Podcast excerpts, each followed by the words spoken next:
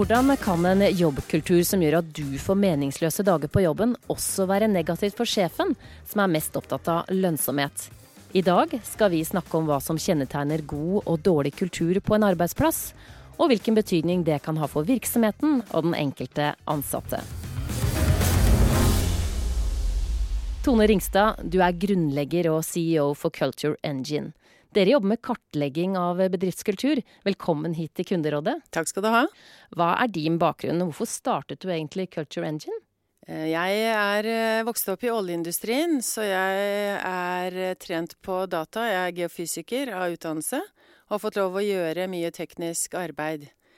For omtrent 20 år siden så sto jeg i en rolle hvor jeg var HR-direktør i et stort globalt rederi og skulle ha ansvar for integreringen av eh, to store organisasjoner. Da trengte vi hjelp. Da fikk jeg kontakt med han som var verdensleder på forskning på kultur og verdier, Brian Hall, og han har hjulpet eh, til i den jobben. Og jeg lærte utrolig mye av han. Det, det første jeg fikk lære av han, det var jo hvor viktig det er at ledere tenker kultur, og hvor mye bedre en bedrift virker når kulturen er riktig. Så jeg har fått eh, gjøre mange prosjekter imellom, eh, og for fem år siden så bestemte jeg meg for at dette, dette, området her trenger et skikkelig verktøy. Det trenger å bli, gå fra ubevisst og synsedrevet til å bli datadrevet. Sånn at vi kan gjøre det systematisk og effektivt, og kommer unna alle klisjeene og alle drømmene og håpene, og forholder oss til det som er fakta, og det som er en god vei for bedrifter til å utvikle sin kultur. Så begynte vi å bygge Culture Engine, og i fjor, eh, januar, så launchet vi. Og nå har vi 30 sertifiserte konsulenter som bruker verktøyet, og som driver god kulturutviklingsprosjekt i sine jobber. Og vi er rådgiveren til alle sammen. Men hva er det egentlig vi snakker om når vi snakker om bedriftskultur, organisasjonskultur? Hva er det vi definerer det som? I god naturvitenskapelig ånd så har vi laget en formel for bedriftskultur. Og den definerer kultur som summen av de verdiene som er i spill i det teamet du ser på. Så det er verdiprioriteringene vi leter etter når vi skal prøve å forstå bedriftskultur. For vi vet at de verdiene som er høyest prioritert i et team, det er sannsynligvis de verdiene som det teamet handler på. Hva er det som kjennetegner en dårlig bedriftskultur, da? Ja, en dårlig bedriftskultur, det, det, er jo litt situasjonsavhengig, men det handler jo om en kultur som ikke har som mål å prøve å oppnå det beste for bedriften og for teamet de jobber i. Så da ser vi at det blir dysfunksjonelle drivere, altså verdier som ikke er bra i forhold til den strategien som selskapet har, eller den målskiva som teamet har. Og da kan folk handle på verdier som av og til er helt motsatt av det som ville vært bra for bedriften, uten kanskje å vite om det. Og da har du det som mange vil kalle en ukultur, men som vi kaller mangel på de riktige verdiene i kulturen. Og det motsatte, hva er det som kjennetegner en god bedriftskultur? De som virkelig får det til? Ja, De bedriftene som virkelig får det til, de har sannsynligvis jobbet en god del med kulturen sin. Og de har tatt utgangspunkt i bedriftsstrategien. Og de har sett på hva er det for kulturelle drivere som vi trenger for å lykkes kjempegodt med denne strategien. Og så har de definert de godt, og det er det vi kaller for en ønsket kultur. Og så har de sannsynligvis også, eh, i hvert fall mange av de bedriftene vi jobber med, kartlagt den faktiske kulturen. Og da begynner vi å komme inn i det interessante datasettet hvor vi har to datasett. Vi har den faktiske kulturen, og vi har den ønskede kulturen. Og da er det jo et gap mellom de som regel. Og da er det målrettet innsats for å lukke det gapet. Vår reporter Joakim Nyquist har vært ute på gata og spurt folk hva de forbinder med bedriftskultur, og hvem de mener har ansvaret for jobbkulturen. Og nå skal vi høre på disse, og jeg er spent på om du Tone kommer til å være enig i det de sier. Hva tenker du når jeg sier eh, bedriftskultur? Eh, jeg tenker vel eh, på hva slags arbeidsmiljø egentlig det er i, i bedriften. Hva slags, hva slags, mål man jobber mot, hva, hva verdiene er i selskapet? Nei, jeg tenker på hvordan miljøet i bedriften fungerer, og hvordan eh, systemer er bestemt ovenfra at skal fungere. Og det er viktig at det, at det er en god holdning ovenfra da, som gjennomsyres nedover. Og det er så mangt. Det er litt sånn eh, hvordan er fjøslukta i din enhet, liksom. Om det er god kultur og ivaretar hverandre. deler på ideene. Hvem er det som har ansvaret for at det blir god kultur på en arbeidsplass? Ledelsen har helt klart eh, mye ansvar, men den enkelte har òg veldig mye ansvar. Så man kan ikke bare skylde på alle andre, man må eh, starte med seg sjøl. Det er eh, først og fremst viktig at lederne går foran med et godt eksempel og planlegger det riktig. Og så har selvfølgelig også hver enkelt ansatt et visst ansvar. Det er jo mye opp til ledelsen, men, eh, men jeg tror også man ikke helt vet hva som, eh, ja, hva som gir en bedriftskultur. Det er jo veldig mye som gjøres for å endre bedriftskulturer, og jeg tror det er en veldig sånn tung prosess å endre en kultur som har satt seg. Man skal ha et ansvar alle sammen for det man eh, jobber med. Arbeid er jo, det er jo bytte av tjenester, på en måte. Vi bytter arbeidskraften vår mot det vi tjener fra arbeidsgiveren. Så det er viktig å se gjensidigheten der, for å få synergier og motivasjon, mindre sykefravær, og at bedriften rett og slett går bedre. For det er økonomisk lønnsomt, det er jeg overbevist om. Ja, Tone, her uh, hører du hva folk på gata mener. De peker først og fremst på sjefen. Hvem mener du har ansvaret for bedriftskulturen? Det er ikke noe tvil om at det er lederne som har ansvar for å ha den bedriftskulturen som et selskap trenger. Eh, men jeg syns jo også uh, intervjuene var veldig symptomatiske på at vi, vi, vi, har ikke noe klart bilde av dette som heter kultur. Altså Det er veldig rotete det de sier. De, de, peker litt på hverandre og litt på å gjøre ting og litt på sånn Sitter i fjøslukta. Og det er jo mye sånn, sånn ubevisst uh, kunnskap her. Så det som jeg tror, er jo at gå inn i det landskapet der uten gode data, uten god systematikk, da, da blir det litt rotete. Så vi er i markedet for å hjelpe ledere å skjønne både hvilken kultur de har, og hvilken de trenger. Og prøve å få dette litt tydeligere, sånn at det blir litt mer effektive veier fra der du er, og til den bedriftskulturen du faktisk trenger å ha. Ja, hvis det er leder som nå sitter og hører på denne episoden og innser at kanskje ikke de gjør alt riktig i deres bedrift for å skape en kultur som gir innovasjon, engasjement og god kundeservice, hvis du hadde fått uh, dette mennesket inn på ditt kontor, uh, hva slags råd uh, ville du gitt, eller hvordan ville du tatt tak i den situasjonen?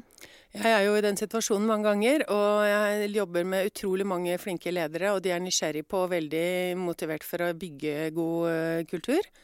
De to spørsmålene som jeg vet er viktige for lederne å begynne å, å tenke på, det er jo først og fremst hva ville en eh, optimal kultur være i forhold til den bedriftsstrategien som du har? Altså, hva er det du har tenkt å få til? Hva er oppdraget ditt? Og eh, hva ville en perfekt kultur være? Så det å få de til å begynne å tenke helt fritt og kreativt og designe et ønskebilde på ja, hvis jeg hadde mer innovasjon, eller hvis jeg hadde mer kundeservice, eller hvis jeg hadde mer av noe, så ville dette være utrolig bra. Og så er det andre spørsmålet. Hva slags kultur har du, da? Hvor er det du starter? Hva vet vi egentlig om den kulturen hos deg? Og når lederne begynner å tenke at det er to forskjellige datasett, så blir det mye mer tydelig for dem hva de trenger å gjøre, og hvordan en prosess for å utvikle bedriftskulturen kan være hos de. Og dette er jo skreddersøm. Dette er ikke en sånn hyllevare som du kan ta ned og si her har, et, eh, her har, du et, kart og her har du en oppskrift. Du må lages for hver bedrift, fordi hver bedrift er forskjellig. Den har forskjellige personer eh, om bord. Og den skal også til ulikt sted. Altså den har en, en, helt unik strategi, og begge deler er viktige for å få det, for, for å få det løpet til. Det snakkes jo ofte om at kulturen sitter i veggene. Eh, og jeg tipper at det er en del ledere som kommer inn på en arbeidsplass Eh, og etter en stund så oppdager de at eh, den faktiske kulturen ikke er helt lik den de har fått solgt inn på intervjuet.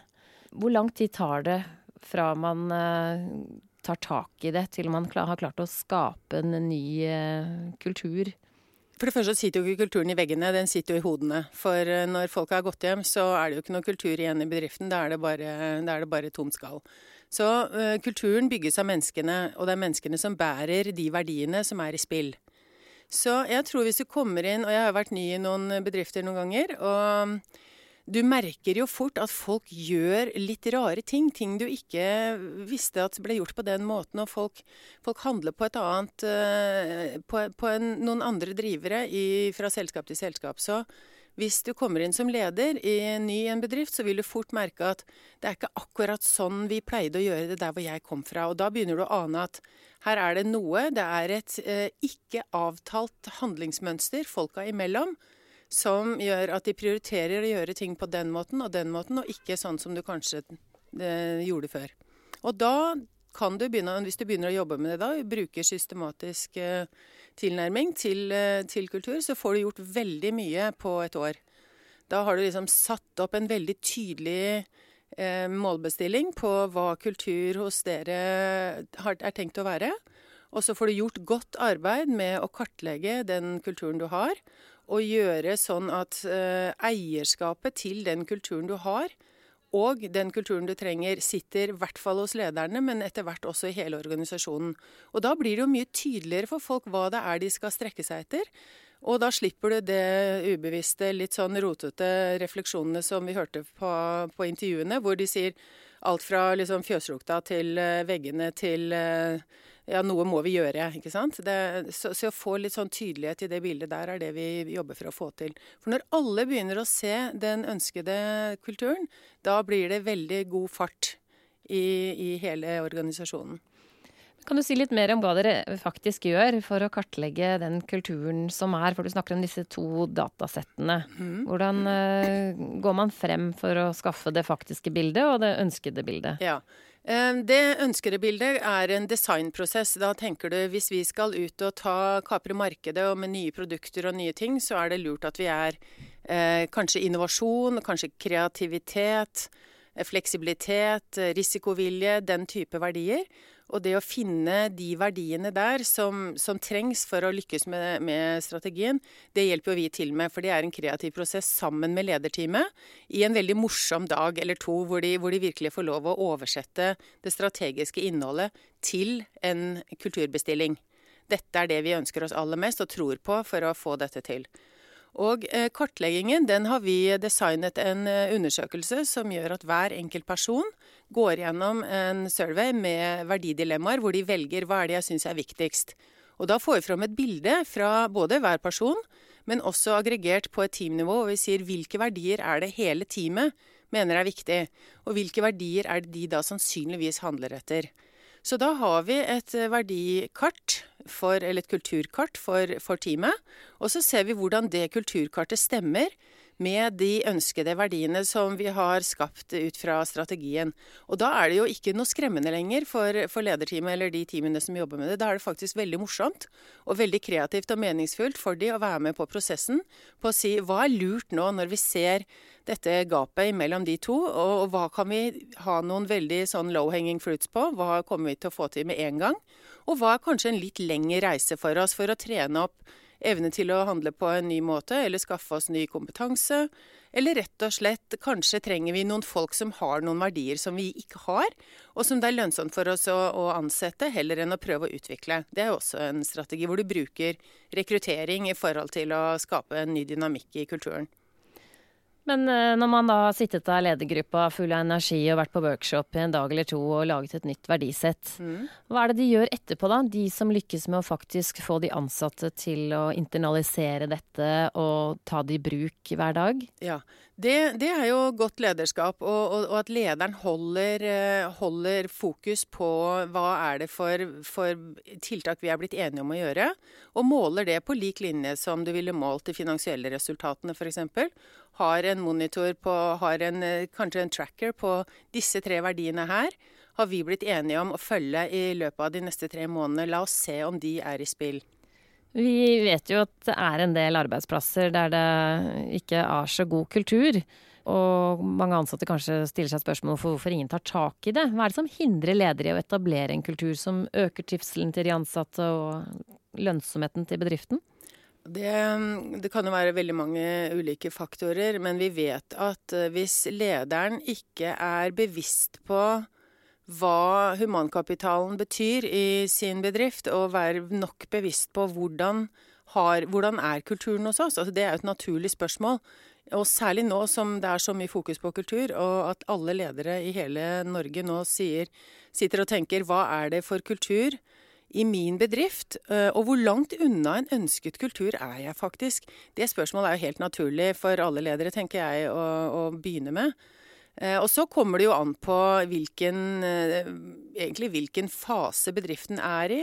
Det kommer an på hvor, hvor lønnsom den er, og, og det kommer jo an på også hvilken eh, toppledelse den har, og, og, selvfølgelig også, som vi ikke skal glemme i denne sammenhengen, hvilket styre eh, bedriften har. For det er klart det er jo styret også som setter krav til daglig leder og til ledergruppa med å sette kultur på kartet, og få eh, fokus på å jobbe opp en kultur som virker hos de. Ja, for Du snakket om lønnsomhet der, og en toppleder som blir målt på KPI-er som går direkte på å tjene penger. Kan du gi dem litt motivasjon for hvorfor de skal eh, skape en kultur der folk blir behandlet med tillit, respekt og verdighet på jobben hver dag? Eh, vi vet at eh, kultur er lønnsomt. Altså, kultur påvirker prestasjoner. Det, det er ferdig forska. Så det vi vet er at eh, det tar mye lengre tid f.eks. å implementere ny teknologi. For å være innovativ så trenger du ofte ny teknologi for å gjøre ting på en mer effektiv måte, som er lønnsomt. Men så stopper det i, i, i organisasjonen fordi folk ikke er motivert eller har forstått hvorfor de skal jobbe med det, eller blir ikke tatt med på reisen. Og da er det barrierer i kulturen som gjør at den nye teknologien, som kan være fantastisk, ikke kommer til sin rett allikevel, fordi at folk ikke ikke syns det er noe særlig. Så stopper det der, og så går det veldig mye lengre tid. Og det blir ikke så effektivt som man hadde tenkt når man kjøpte dette fantastiske nye teknologisystemet eller, eller softwaren som du skal ta i bruk.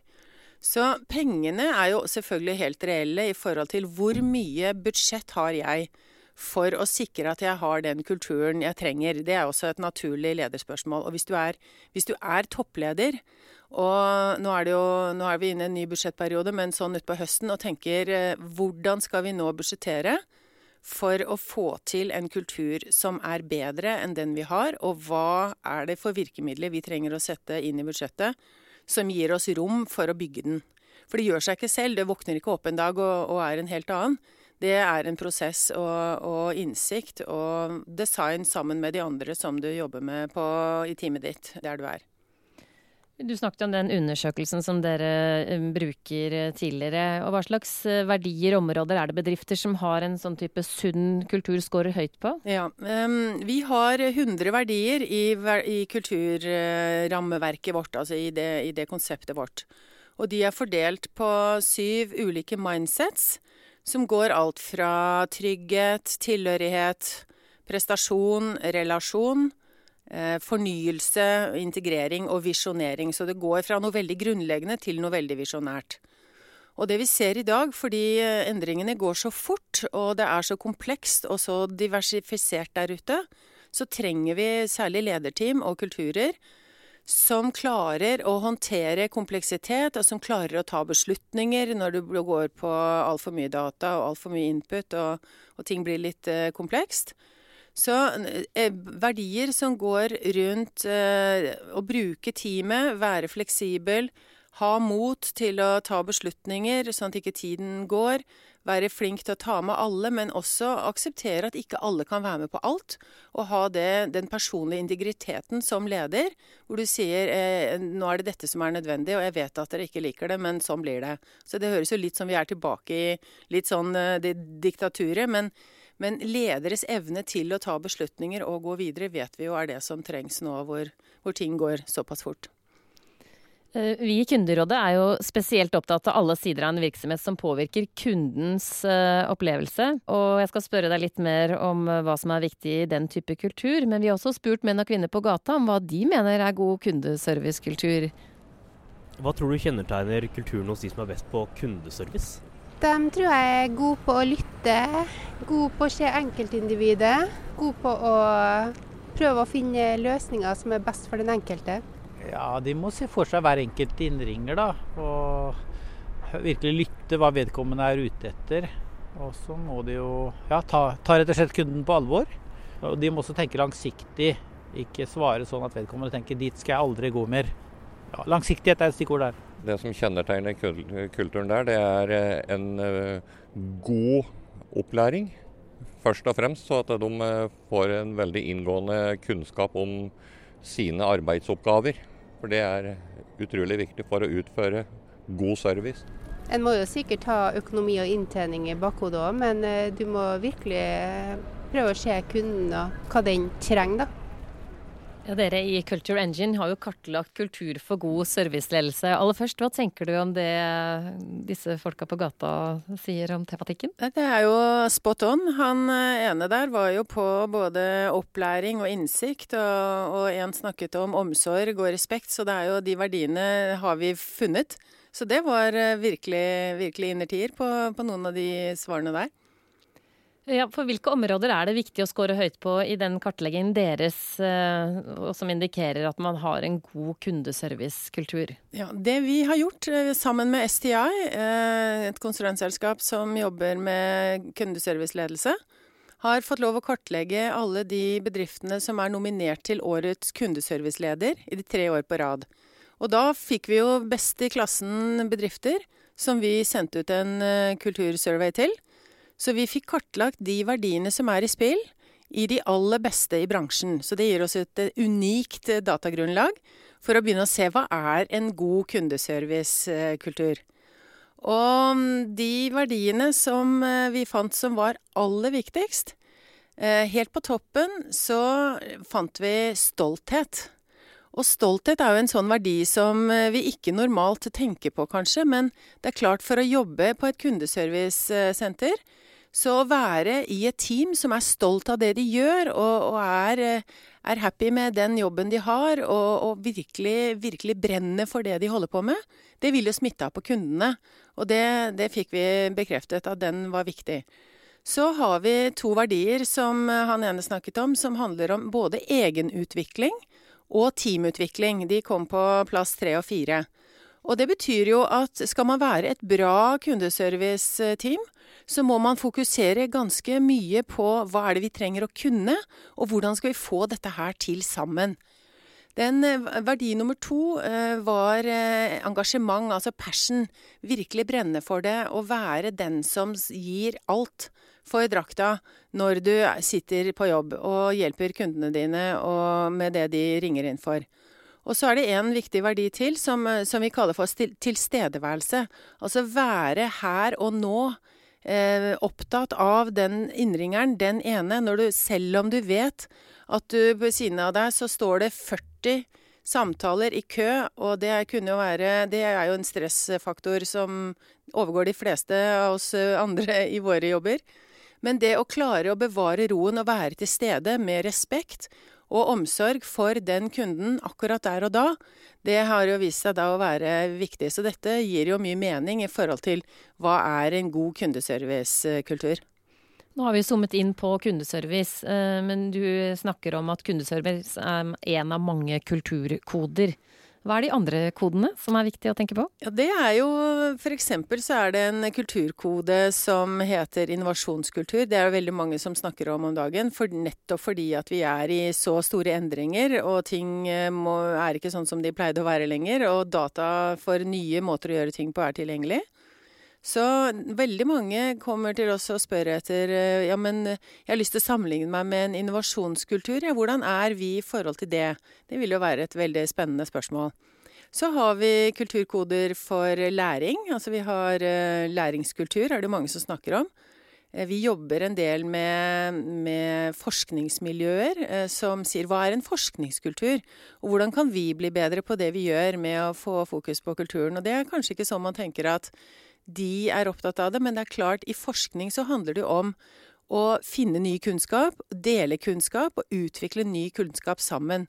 Og hvis du da ikke har fokus på verdier som f.eks. deling og respekt og tillit, så får du ikke folk til å dele det viktigste og mest verdifulle de har, nemlig kunnskap, hvis det relasjonelle ikke, ikke er til stede. Så det å ha en kultur for forskere som gjør det mulig å dele kunnskap fort og skape ny kunnskap sammen med gode relasjoner. Det er jo kjempeviktig. Det er en interessant eh, innsikt som vi har fått. Eh, noen av de andre er eh, f.eks. Sustainability-kultur er veldig mange, mye fokus nå på, på de store driverne i, i, verden, og hvordan vi kan skape kultur som, som, tar vare på miljøet på en bedre måte. Og så har vi de som samarbeidskultur. Eh, hvis det er en veldig diversifisert bedrift. Lagspill er jo et eh, veldig, veldig brukt, eh, mye brukt ord. Slitt ord, kanskje. Men vi fyller altså lagspill med en samarbeidskultur som setter lyset på hvilke verdier må være til stede for at samspillet skal gå så godt som mulig. Og så er det den morsomme biten med at mange bedrifter sier ja, men vi passer ikke egentlig så godt inn i noen av de kulturene dine, sier de. Men vi har noen egne verdier vi som vi har tenkt til å ta med til markedet, for dette har vi tenkt mye på. Da kan vi programmere de verdiene inn i Culture Engine og gi de en kode som heter den bedriftens kode. F.eks. Tekna sin kulturkode. Hva skulle den bestå av, tro? Så kan vi, kan vi, spille med at dette er helt skreddersøm for hver enkelt bedrift. Og så får du da ut uh, din egen rapport basert på hva bedriften har tenkt å, å være. Her var det veldig mange konkrete råd. Uh, men uh, jeg må si, jeg tror ikke jeg har vært på en konferanse de siste årene uten at en eller annen har snakket om at kultur spiser strategi til frokost. Og når jeg googlet dette, så fikk jeg 168 000 treff på den norske versjonen. Hvor kommer denne frasen fra, og hva er det alle disse foredragsholderne egentlig prøver å fortelle oss? Ja, um det der er den mest forslitte klisjeen om kultur som fins uti der nå. Jeg skulle ønske at den gikk ned fra alle, fra alle nettsider. Men det jeg, tror, eh, det jeg tror folk tenker, det er jo at det hjelper jo ikke å ha en intelligent, rasjonell, faktabasert strategi hvis det emosjonelle og relasjonelle bildet som en kultur er, ikke er tunet inn på det som strategien bygger på. Så når de sier at eh, kultur spiser strategi til frokost, så tenker jeg at den gjør ikke det, men hvis du overlater kultur til tilfeldighetene og ikke gidder å jobbe med det, da kan det hende at du får deg en smell, og at det vil være opplevelsen. Så det å fokusere på det er jo det som er mottrekket. Det er å si det, er ikke sånn at vi lar at vi lar eh, kulturen spise strategien til frokost. Tvert imot. Kulturen skal jo være den viktigste driveren og det beste virkemidlet du har for å få denne strategien til. Og da må du fokusere og jobbe litt med det. Takk for at du kom til Kunderådet, Tone Ringstad. Takk for at jeg fikk være her. Det var gøy. Takk for at du lyttet til denne episoden av Kunderådet. Ansvarlig for denne episoden var Fredrik Langseth, Joakim Nyquist og Lena Beate Pedersen.